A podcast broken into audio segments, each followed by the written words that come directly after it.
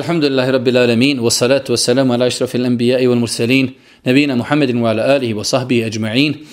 Uvažna braćo i poštovane sestre, evo pravili smo kraću pauzu. Inšala u drugim noćima će možda ova pauza biti malo i duža, ali pošto je prvo predavanje bilo malo duže i jednostavno dok se i mi malo uštosimo na 45 minuta, e, tako da ako Bog da možda ovo drugo predavanje će biti malo i, malo i kraće. U svakom slučaju mi se vraćamo, kratko i rezimirano, da spomenemo samo da svi koji prisustvuju e, dobro bi bilo ako žele da uđu u bubanj izlačenja nagradne igre za umru ako Bog da, da ostave bilo kakav komentar i u prvom i u drugom dersu jer jednostavno ne znamo znači šta će kompjuter prepoznati poslije tako da oni koji su pristali na prvom predavanju dobro je ako Bog da i na drugom predavanju da ostave bilo kakav komentar jer na osnovu tih komentara ako Bog da mi ćemo izlačiti sretnog dobitnika sretnog dobitnika koji ćemo ako Bog da poslati na umru. Mi smo u prvom predavanju pokušali da spomenemo e, jedno uvodno predavanje u kojem smo pokušali da shvatimo kako su u islamu nastali mezhebi, zašto postoji različiti stavovi, jednostavno da insan koji od početka počne učiti vjeru, da ga odgojimo na jednoj toleranciji, da je spreman prihvatiti drugačije, različito, jer rekli smo poglavlje fika je poglavlje gdje postoji prostora za razilaženja, dokada je u pitanju akida, znači rekli smo da su imami mezheba imali generalno isto vjerovanje. Govorili smo, e, počeli smo govoriti o taharetu, o čistoći, pa smo kazali da postoje dvije e, vrste čistoći, pravna i stvarna. Pravna čistoća je, pravna čistoća je e, nešto što se vezuje za naše tijelo, a odstranjuje se abdestom ili gusulom i tejemumom, a stvarna čistoća ili nečistoća jeste nešto što ima našem tijelu, našoj odjeći i na mjestu gdje ćemo klanjati. Rekli smo jedno veliko, veliko pravilo koje nam mnogo, mnogo može pomoći u životu, a to je da stvari koje nas okružuju generalno sve su čiste. Generalno gledajući stvari oko nas su sve čiste. Primjer radi čovjek se nalazi u avionu i želi da klanja na putu gdje ljudi prolazi, znači hodaju cipelama, osnova je da je to čisto i može se tu klanjati. Čovjek je na pisti, čovjek je na aerodromu, čovjek je e, zaustavio se negdje na autoputu i želi da klanja na asfaltu. Osnova je da je to čisto, sve dok mi ne vidimo da ima nešto nečisto. Kazali smo iz tog velikog pravila izuzeto je nekoliko stvari pa smo spomenuli Prva stvar nečista u islamu jeste ljudski izmet i ljudska mokrača kad su muškarci u pitanju el pred ejakulacijska tečnost. Nečisto je to sve po konsenzusu islamskih učenjaka. Krv ženi od mjesečnice, rekli smo da je nečistoća, Rekli smo da je izmet i mokraća životinja, čije meso nije jestivo i nečista.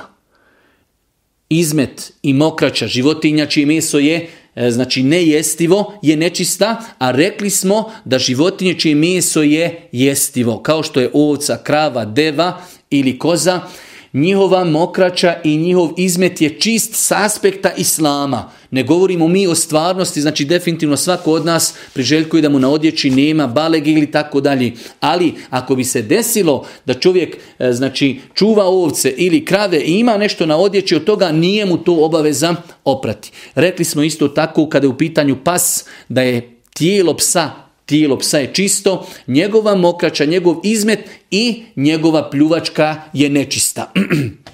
Njegova pljuvačka je nečista, meso i cijelo tijelo e, svinje je nečisto. Rekli smo e, lešina, lešina je nečista, osim kada je u pitanju životinja čije meso je jestivo, njena koža se može uštaviti i štavljenjem koža postaje čista. Generalno svaka mrljina, svaka lešina je nečista osim životinja čiji meso je jestivo, njihova koža nakon što je postala mrljina, ako prođe proces, ako prođe proces štavljenja, koža postaje čista. Rekli smo nakon toga tri ili četiri velika pitanja, a to je propis čistoći e, spermi. E, rekli smo da postoji jako razilaženje kod mezheba, mi inšala preferiramo mišljenje da je sperma čista, u osnovi uzvišenja Allah subhanahu stvara insana od spermi pa nelogično je da ljudsko tijelo nastane od nečega što je nečisto. Rekli smo u pogledu alkohola, da je alkohol zabranjen po konsenzusu islamskih učenjaka, ali da to nema vezi sa čistoćom. I otrov je Otrov je zabranjen, ali ako pospijemo otrov po hlačama, jesu li nam hlače nečiste? Nisu. Pa kao što otrov je zabranjen, ali je čist, tako i alkohol. On je zabranjen za piti, ali njegova smjesa znači nije nečista. Iako velika većina islamskih učenjaka kroz historiju smatrala je da je alkohol nečist. Isto tako Rekli smo krv koja ističe iz rani insana, iz rani insana, velik dio učenjaka umeta kazao je da je krv nečista ali rekli smo osnova stvari oko nas koji nas okružuju jeste da su stvari čiste. Ne postoje jasni i vjerodostojni dokazi da je krv nečista. Što znači? Kada bi čovjek klanjao i na odjeći imao eh, krvi, inšala vizna, njegov namaz je či, njegov namaz ispravan. Zašto? Jer ashabi u to vrijeme klanjali su toliko u svojim ranama koji su im tekle i nikada nikome poslanik ali salatu nam nije naredio da pazi na krv koja ističe iz rane.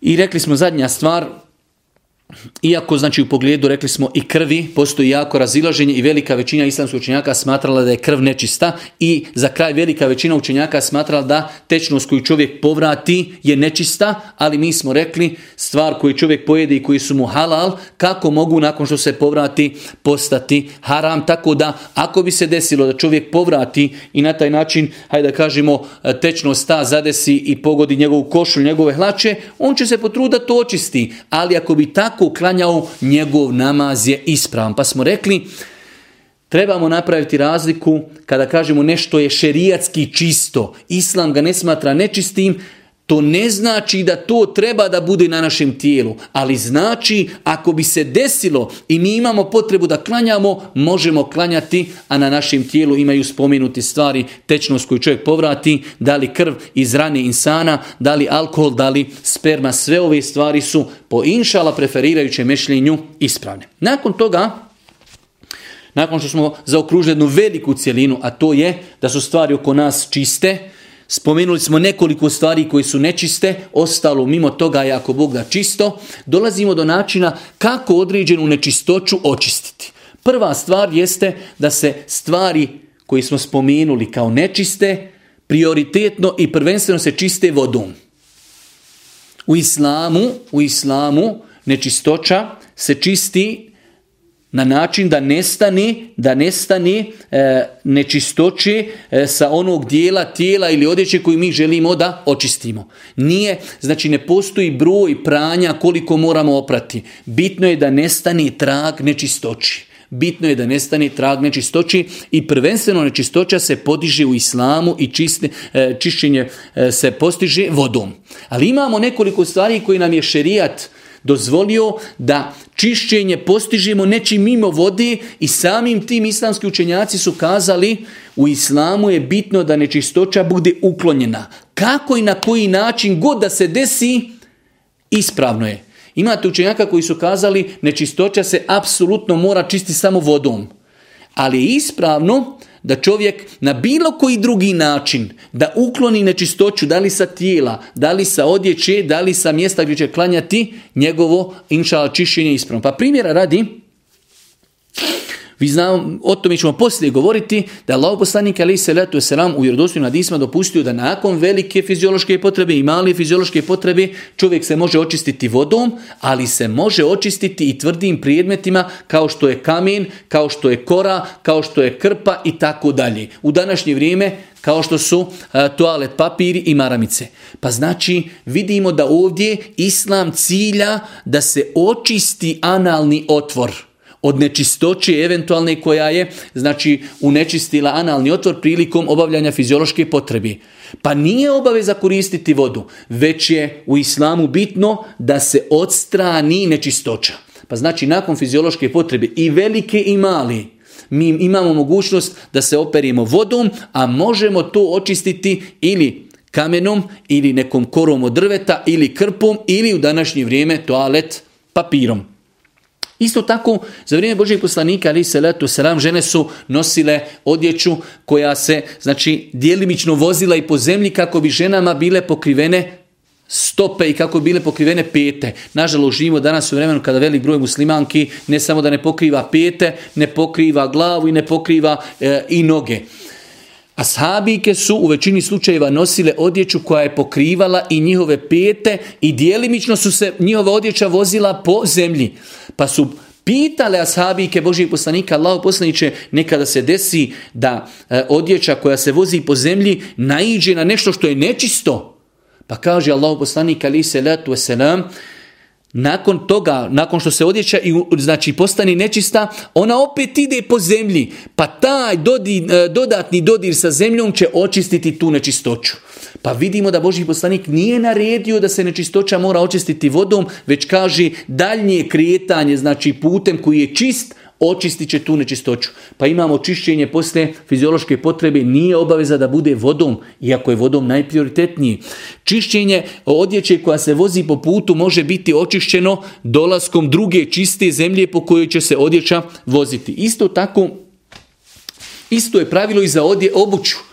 U više vjerodostojnih hadisa je potvrđeno da znači Boži poslanik je potvrdio da čišćenje obuće, ako se desi da čovjek stane obućom u neku nečistoću, da će obuća biti očišćena na samim hodanjem. Samim hodanjem po čistoj, znači po čistom asfaltu, po, po čistom putu, ona nečistoća koja je bila, ona će se očistiti. Opet vidimo da Boži poslanik nije naredio isključivo da se vodom čisti nečistoća. Isto tako, E, vidjeli smo, znači spomenuli smo da životinja koja je uginula, da je u osnovi nečista. Ali ako se radi o životinji kao što je ovca ili krava ili deva ili koza, krepala je, mi možemo uzeti njenu kožu i možemo je, možemo je uštaviti i ona na taj način postaje čista. Pa i ovdje znači čišćenje postalo štavljenjem, a ne samo vodom. U svakom slučaju, inšala viznila, ispravno je, ispravno je mišljenje da znači na bilo koji način ako nestani nečistoći sa naših tijela ili sa naše odjeće ili sa mjesta gdje ćemo klanjati, to mjesto postaje čisto. Iako generalno gledajući najlakše čistiti sa vodom. Spomenuli smo da, da su da je pljuvačka psa nečista.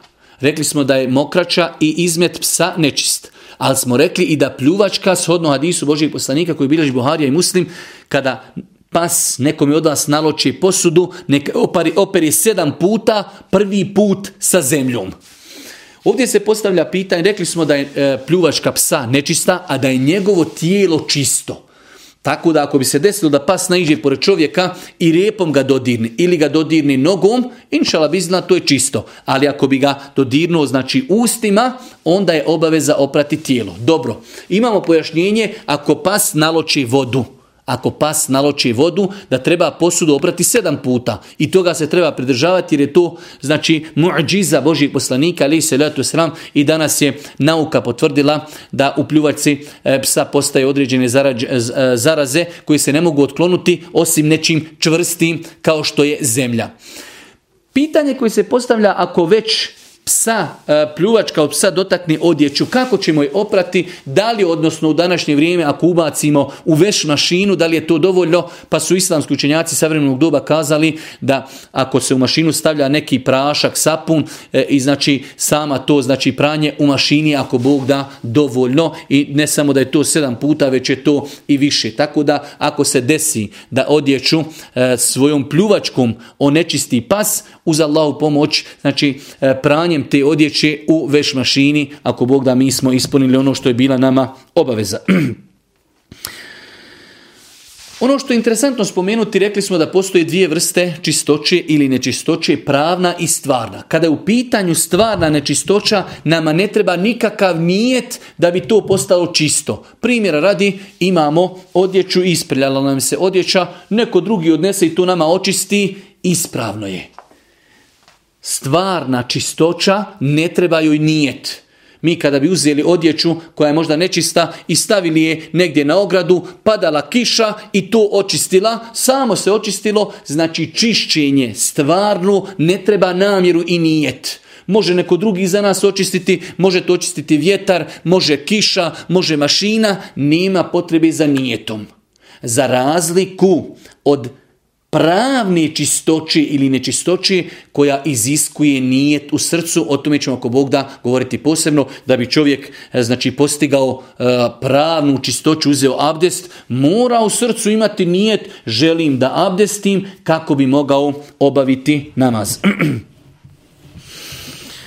Nakon što smo, inšala biznila, e, spomenuli osnove stvari koje bi trebao da zna čovjek vjernik u pogledu šta je čisto, šta je nečisto u stvarnosti, prelazimo na vrste voda. Inšala, to će biti zadnja stvar koju ćemo večeras e, završiti, a već od sutra počinjemo ako Bog da sa abdestom, sa gusulom, sa tejemomom i tako dalje. Prva stvar, u islamu postoje dvije vrste vode. Imamo vodu koja je čista, čista čisteća i imamo vodu koja je nečista. Prva vrsta u osnovi prije toga zašto nam je to potrebno? Potrebno nam je da poznajemo, iako u današnje vrijeme, hvala Allahu, mi živimo na prostorima gdje većina vode koju mi konzumiramo je čista. Ali ne zna se kada čovjek ovaj propis može trebati. Na putovanju, negdje je čovjek na izletu, na planini, a koliko je naše braće muslimana koji imaju veliku potrebu da poznaju propise vezane za vodu, mi nećemo se ako Bog da mnogo zadržavati, kratko i rezimirano ćemo spomenuti vrste vodi. Imamo vodu koja je čista i imamo vodu koja je nečista. Generalno pravilo, kažu islamski učenjaci, voda ima tri svojstva. Ima miris, ima boju, ima okus. Svaka voda koja je ostala na svojstvima kako je Allah stvorio je čista. Ovo je jedno veliko pravilo i definicija šta je čista voda. Voda koja je ostala svojim svojstvima onako kako je stvorio Allah. Pa voda u rijeci, ako je ništa nije zamutlo, je čista. Voda u bunaru je čista. Voda mora je čista u islamu. Bez obzira što je ona slana, čovjek sa njom može abdestiti, može oprati veš, može se sa njom okupati. Voda u moru, bez obzira što je slana, Božih poslanika ali se letu selam su pitali, kaže Allah poslaniče, mi putujemo na moru. Nekada nemamo dovoljno slatke vode da abdestimo. Možemo li mi abdestiti morskom vodom? Pa kaže Allah poslanik ali se letu selam, onaj veliki, veličanstveni hadis, morska voda je čista, a mrljina, lešina u moru je halal. Zato riba znači nema širijetsko klanje. Ribu bez obzira kako uhvatili i ko je uhvatio, gdje god da dođeš u svijetu možeš jesti ribu. Dok piletinu ne možeš jesti svugdje, teletinu ne možeš jesti svugdje, ali ribu možeš jesti i u Kini, i u Americi, i u Australiji, jer Boži poslanik kaže mrljina, mrljina znači leš iz mora je halal halal, ali je prije toga kazao morska voda je čista. Pa znači vraćamo se vrstama vode, imamo čistu vodu i imamo vodu nečistu. Čista voda je ona koja je ostala onako kako je Allah stvorio. Ne ulazeći mi u njihova svojstva. Čak Allah je stvorio, imamo koliko što izvora mineralne vode. Mineralna voda, koliko puta sam idući u školu iz bunara grabio mineralnu vodu i piju. Sa tom vodom se može, može abdestiti i može se čovjek okupati. Pa čak znači voda kada je mineralna, ona je čista, morska voda je čista, riječna voda je čista, e, voda iz bunarjeva je čista. Zašto? Zato što je ostala onako kako je Allah stvorio. To što je neka voda slana, neka slatka, neka kisela, to nas to nas ne interesuje. Ona je ostala onako kako je stvorena. Svakako da može doći mi zato kažemo generalno voda rijeke je čista, ali ako u jednu rijeku uključimo mnogo kanalizacije i voda promijeni boju i okus i miris, onda ta voda više nije čista šerijatski. Pa je generalno pravilo da zapamtimo večeras voda koja se smatra u islamu čista, koju možemo piti, koju možemo sa njom abdestiti i sa kojom možemo se kupati, jeste voda koja je ostala onako kako ju je uzvišeni Allah subhanahu stvorio. Šta je onda nečista voda? Nečista voda je ona voda koja jedno od ova tri spomenuta svojstva, da li je to miris, da li je to okus, da li je to boja, promijeni sa nečim nečistim. Imamo vodu i ne daj Bože na nju neko dodaje ljudsku mokraću i onda vidimo postala je i voda žuta. To u islamu postaje nečisto. To u islamu postaje nečisto. Imamo drugo miješanje sa vodom, a to je da se sa vodom pomiješa nešto čisto. Primjer radi sok. Imamo kantu vode, čiste vode i uzmemo, počnemo sipati sok. Mi ako malo naspijemo i voda ostaje ista, voda je čista, možemo sa njom abdestiti. Ali ako dodamo pola litra crvenog soka i voda postaje crvena, ona se više ne može koristiti za abdest i za gusul. Ona je čista za piti, ali ne možemo se sa njom abdestiti. Zašto? Jer je ona promijenila jedno svojstvo nečim čistim, a ona se može koristiti zato što je čista. Isto tako, ako promijeni jedno od ova tri svojstva sa nečim nečistim, ona postaje u islamu nečista. Znači ovo je, ako Bog da, neki rezime, islamski učenjaci mnogo, mnogo pišu i govori o vrstama voda u islamu. Svakako, islam je vjera higijeni, islam je vjera, poslije ćemo govoriti, koja mnogo, mnogo pažnje posvećuje higijeni. Kaže Allah poslanik, at tuhuru šetrul imani, polovina imana je čistoća. Polovina imana je čistoća. Pa je znači u islamu mnogo bitno da čovjek zna koja voda je čista, koja voda nije čista, koju vodu smije piti, koju vodu smije koristiti za abdest, a koju vodu ne smije koristiti ni, ni piti. Pa smo rekli imamo dvije vrste vode, čista i sa tom čistom vodom mi možemo i čistiti nečistoću to je ona voda koja je ostala onako kako je Allah stvorio. Bez obzira da ne gledamo na njena svojstva, neka je voda slatka, neka je kisela, neka je gazirana, a neka je znači slana, sve su tu u osnovi čiste vode i možemo sa njima oprati nečistoću sa svoga tijela ili sa svoje odjeće, možemo se abdestiti i možemo se okupati. Ok, to je čista voda i čistića sa njom možemo čistiti nečistoću. Imamo nečista voda koja je promijenila jedno od tri svojstava sa nečim nečistim. Rekli smo imamo e, kantu vode i u nju smo ubacili nešto nečisto, da li je to izmet, da li je to mokrača, da li je to nešto drugo i promijenila je jedno od ova tri svojstva, voda postaje nečista. Niti možemo sa njom nešto čistiti, niti možemo uzeti abdes, niti je smijemo piti. I imamo vodu čistu, i sa njom se pomiješa nešto čisto, pa joj promijeni ili boju ili okus ili miris, tada ona postaje nešto drugo, postaje čaj, postaje sok i tako dalje. Ona se može koristiti za konzumiranje, ali se ne može koristiti više za abdest ili gusul.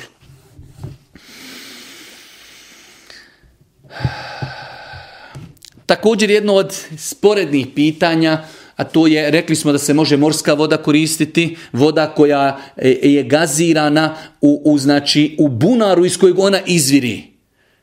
U bunaru iz kojeg ona izviri ili voda iz rijeke, iz voda iz mora, voda iz bunareva može se koristiti za čišćenje od nečistoće i može se koristiti za abdest i za gusul. Šta je sa zemzom vodom? Mi znamo da postoji mnogi vjerodostojni hadisi koji govori o vrijednosti zemzem vode, ali da čovjek bude u situaciji da mora zemzem vodom očistiti nečistoću ili zemzem vodom abdestiti ili zemzem vodom se okupati. Šta je sa zemzem vodom? Ispravno je da nema nikakve smetnje ako bi čovjek već toliko imao te vode, iako generalno najprioritetnije da se zemzem voda popije, ali da čovjek bude u situaciji da mu se isprljala odjeća i nema druge vode osim zemzemom, ispravno je bez imalo smetnje ako Bog da, da, da to očisti sa zemzemom. Nakon toga dolazimo do e, čišćenja nakon fiziološke potrebi, da bi ako Bog da sutra mogli početi sa abdestom, gusulom, potiranjem po mestama i ostalim e, pred poglavljima koja su uvjet za ispravnost namaza. Kada je u pitanju E, čišćenjem posle fiziološke potrebe velik broj ljudi se poigrava u pogledu toga, ne znajući da je čišćenje posle fiziološke potrebe za muslimane stroga obaveza kako čišćenje nakon male fiziološke potrebe mokrenja ili nakon velike fiziološke potrebe. Pa imamo velik broj osoba koje se ne čiste nakon male fiziološke potrebe, nakon mokrinja. Allah poslanik ali se seramu u ali hadisima je potvrdio da e, najveći dio kaburskog azaba nastupa iz razloga što se ljudi ne čuvaju od mokraći. Pa velik broj ljudi, da li po aerodromima, da li po javnim nužnicima, da li kod kuće, u svakom slučaju velik broj ljudi, velik broj ljudi se ne čisti poslije male fiziološke potrebe. E, znači moramo naučiti, moramo zapamtiti da u islamu rekli smo ljudska mokraća i ljudski izmet je nečist i nema razlike u, u, tome nečistoća mokraće i izmeta. Kao što je izmet nečist, tako isto je i mokraća nečista, nečista pa je obaveza čovjeku vjerniku nakon fiziološke potrebe, svakako i muškarcu i ženi, da se očiste nakon fiziološke potrebe.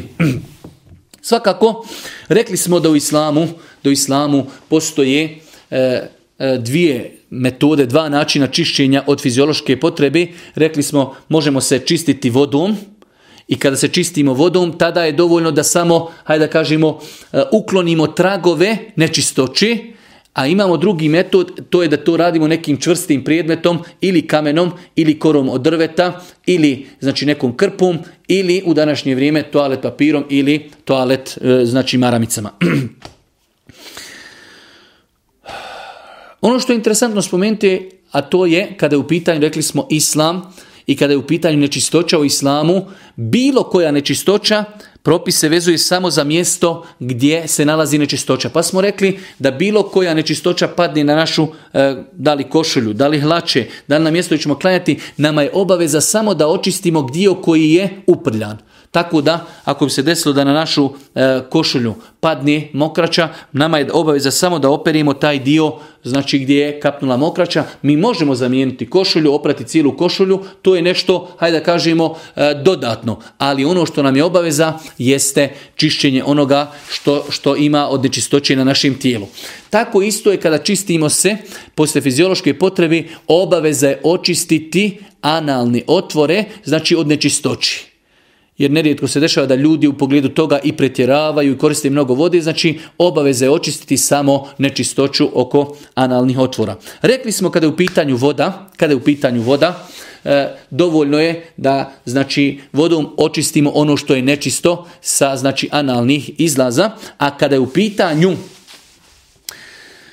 čišćenje sa nekim tvrdim predmetima, onda se minimalno, kao što je došlo u na hadisima, mora desiti sa tri potiranja. Kada je u pitanju voda, može se desiti i sa jednim čišćenjem, i sa dva, i sa tri ili više, shodno opet potrebi. Ali kada je u pitanju potiranje sa nekim tvrdim čišćenje sa nekim tvrdim predmetima kao što je toalet papir ili znači maramice, onda minimalno mu makar čovjek prvi put očistio sve, mora dodatno još dva puta da potari kako bi ispunio ono što je Boži poslanik Ali je Veseran spomenuo u hadisima da čovjek kada se čisti nekim tvrdim predmetom, da to treba da uradi sa minimalno tri potiranja, a ako i nakon tri potiranja ne počisti sve, e, znači nečistoću sa e, analnih otvora, onda će i još više dodati 3, 4, 5 ili 6 puta će potirati dok ne očisti sve tragove nečistoći. E, za kraj, ako Bog da, za kraj e, večerašnjeg ovog druženja, e, da spomenimo samo neke propise koji se vezuju za boravak u nužniku, jer rekli smo islamski učenjaci uvijek idu tim redoslijedom, govori na početku o čistoći, nakon toga govori o vrstama vode, nakon toga govori o čišćenju nakon fiziološke potrebe i nakon toga počinju govoriti o abdestu, konkretno i gusulu i o namazu. Mi smo to, eto, alhamdulillah, sve uspjeli rezimirati u dva kraća predavanja, iako islamski učenjaci doista, doista mnogo, mnogo toga e, pišu i govori na tu temu. Pa znači, nekoliko stvari koje su nam potrebne, koje treba da znamo prilikom e, boravka u nužniku i prilikom čišćenja nakon fiziološke potrebe. Prva stvar, Pohvalno i lijepo da čovjek prilikom ulaska u nužnik kaže bismillah. Čovjek prije što uđe u nužnik kazat će bismillah, jer Allah poslani kaže zastor između džina i njihovih pogleda i vaših stidnih dijelova tijela jeste da reknete bismillah. To je zastor. Pa džini ne mogu čovjeka više vidjeti svojim očima i njegove avrete, što je interesantno i bitno čovjeku, jer su e, nužnici, toaleti, mjesta gdje se okupljaju džini i šetani zbog nečistoći. Pa znači potrebno je čovjek zaštiti svoje avrete od pogleda džina kako ne daj Bože mu se ne bi desilo da bude ureknut ili nešto drugo. Pa je pohvalno da čovjek prvo kaže bismillah, nakon toga da prouči dovu koja je prenesena od Božeg poslanika ali se letu selam Allahumma inni a'udhu bike min al-khubthi wal khaba'ith Allahumma inni a'udhu bike min al-khubthi wal khaba'ith ova dova ima više rašti e, prijevoda shodno značenju i komentarima ali jedan od komentara jeste gospodar sačuvaj me i od muških i od ženskih e, pogleda i džina i njihovog djelovanja nakon toga svakako Pohvalno je da čovjek kada ulazi u nužnik, ulazi lijevom nogom, da izlazi desnom. To je pohvalna stvar. E, kada u pitanju mokrinje stojeći, velik broj ljudi, e, hajde da kažem u današnje vrijeme, e, ne poznavajući taj propis, dozvoli sebi da mu mokrača koja se odbija od pločice ili odbija se od WC šolju, vraća se i onečisti njegovo, njegovo, onečisti njegovu odjeću koju nosi, tako da je pohvalno, generalno u islamu je pohvalno da čovjek vrši fiziološku potrebu i malu i veliku čučeći. U islamu je znači pohvalno i da ne govorimo o tome što je to e, današnja medicina potvrdila da je korisnije e, za e, ljudsko tijelo da čovjek znači e, obavlja fiziološku potrebu, e, da li bilo velika ili mala, čučeći, ali ako bi imao potrebu, ako bi imao potrebu u datom momentu da mokri čovjek stojeći, inšal vizna, to je ispravno, ali treba da pazi da mokrača ne onečisti njegovu odjeću odbijajući se od tvrde predmete na koje pada. To je veoma bitno jer Boži poslanik rekli smo upozorio da se čovjek ne čuva od mokrači e, koja se vraća na njegovu odjeću i da je velik dio kaburskog azaba od mokrača kači koja čovjeku onečisti njegovu odjeću. Isto tako Čovjek vjernik prilikom obavljanja fiziološke potrebe trebao bi da se odalji od ljudi, da ga ljudi ne vide, pogotovo kada otkriva svoje avrete.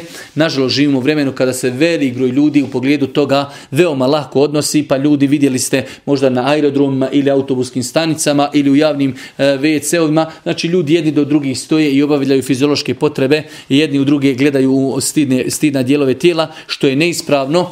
E, muškarcu nije dozvoljeno da gleda u avrete muškarca, niti je ženi dozvoljeno da gleda u avrete ženi, pa bi čovjek vjernik prilikom obavljanja fiziološke potrebe trebao da se e, pazi da ljudi ne vidi njegove e, stidne dijelove tijela. Isto tako čovjek bi trebao da se čuva i pazi da e, obavljanjem fiziološke potrebe ne uznemirava nikoga na način da to ne vrši po putevima ili da to vrši po parkovima ili hladoma gdje ljudi odmaraju. U vjerodostojnim hadisima Božih poslanika ali se je to zabranio. Pogledajte kako je islam lijep, kako je savršen da Islam poziva da i kada fiziološku potrebu obavljamo, pazimo gdje ćemo to činiti, kako sutra ne bi time nekoga uznemiravali, kako nas sutra neko ne bi psovao. Čak je Boži poslanik spomenuo da je to razlog da ljudi druge ljude proklinju.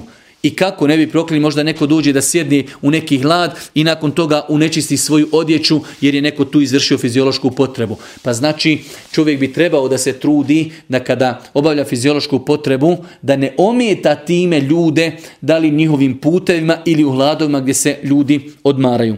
Isto tako došlo je u vjerodostojnim hadisima da nije dozvoljeno obavljati fiziološku potrebu u vodi koja je stojeća, koja nije e, tekuća. Pogledajte opet kako istam lijep, kako je savršen. Voda koja stoji, znači zabranjeno je čovjeku, vjerniku da vrši fiziološku potrebu u vodu koja je stojeća. Isto tako, e, nije dozvoljeno prilikom obavljanja fiziološke potrebe da se čovjek okreće u pravcu kibli, da li prsima, da li liđima. Ovo se prvenstveno odnosi na situaciju kada čovjek obavlja fiziološku potrebu kada je negdje na polju. Znači ako čovjek ne obavlja fiziološku potrebu u kući, u WC-u, već obavlja fiziološku potrebu negdje na polju, da li negdje možda ako je izišao u, u šetnju ili možda negdje je u parku ili možda negdje, hajde da kažemo na izletu, pa obavlja fiziološku potrebu bez da je u nekoj građevini, tada mu je zabranjeno da se okreće prema kibli i prsima i leđima.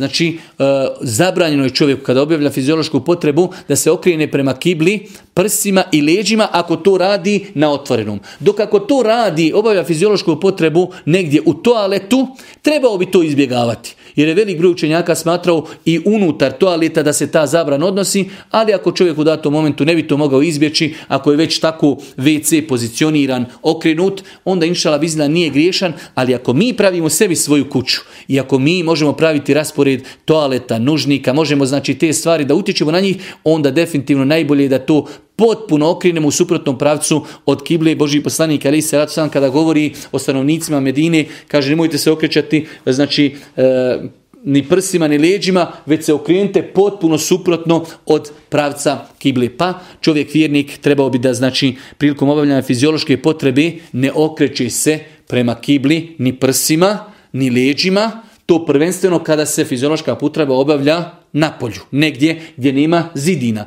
Dok ako to radi u nužniku, izbjegavat će koliko može, ali ako se nađe u WC-u koji je okrenut tako, inšala nije griješan.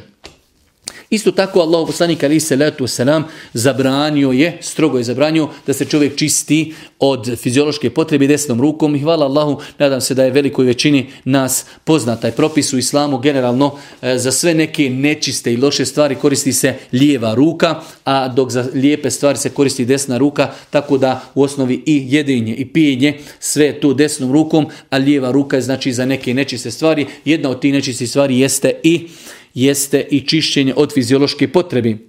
U vjerodostojnim hadisima došlo je da Allah poslanik ali se selam zabranio čak u toku eh, obavljanja fiziološke potrebe da neko desnom rukom dodiruje spolni organ i zadnja stvar i time ako Bog da i završavamo večerašnje druženje, a to je da rekli smo čovjek prilikom ulaska u toalet ući će lijevom nogom, a izići će desnom. Generalno pravilo opet u islamu kada ulazimo u neke lijepe prostorije kao što je džamija, ulazimo desnom nogom, izlazimo lijevom. Dok kada je u pitanju nužnik i nešto obrnuto, onda ulazimo, ulazimo lijevom, a izlazimo izlazimo desnom nogom. E, generalno, braću, moja dragi cijene sestre, mi smo, evo, hvala Allahu Đelšanu, počeli ovu zimsku školu Islama. E, večerašnja predavanja jesu malo, hajde da kažemo, jesu malo... E, kao jedan vid uvoda u ovu nauku, ali ako Bog da već od sutra počinjemo i od abdesta i od gusula i počinjemo lagano govoriti o namazu, samo za one koji su se možda naknadno priključili kada je u pitanju kada su u pitanju uvjeti učeša u nagradi za umru. Prvo rekli smo čovjek prvenstveno trebao da u ovakvim predavanjima e, želeći da se okoristi i da nauči osnove svoje vjere. Rekli smo da ćemo ako Bog da imati tri predmeta, da ćemo imati e, fik islamsko pravo, da ćemo imati akidu i da ćemo imati hadis. Rekli smo da svi oni koji žele da ako Bog da uđu u bubanj izlačenja za umru, da trebaju da prilikom pristovanja ostavi bilo kakav komentar, kulturan komentar da onaj ostavi ili neki like ili ime i prijezme da se poselami. Rekli smo da ćemo imati inšala jednu umru na osnovu izvlačenja onih ljudi koji su prisustvovali na dersovima, a imat ćemo ako Bog da jednu umru na osnovu ispita, imat ćemo na kraju, ako Bog da zimske škole Islama, imat ćemo jedan e, ispit koji će biti elektronske formi i tako da na osnovu toga ako bude najbolji, ako Bog da, odabraćemo drugog sretnog dobitnika za umru. A eto, ako neko ima i želju da se uključi u ovaj projekat da nam pomogne u slanju ljudi još na umru, mi trenutno imamo dvije umre na raspolaganju, a ako neko želi da se uključi, svakako da su vrata otvorena. Subhaneke Allahumma wa bihamdike, ashhadu la ilaha illa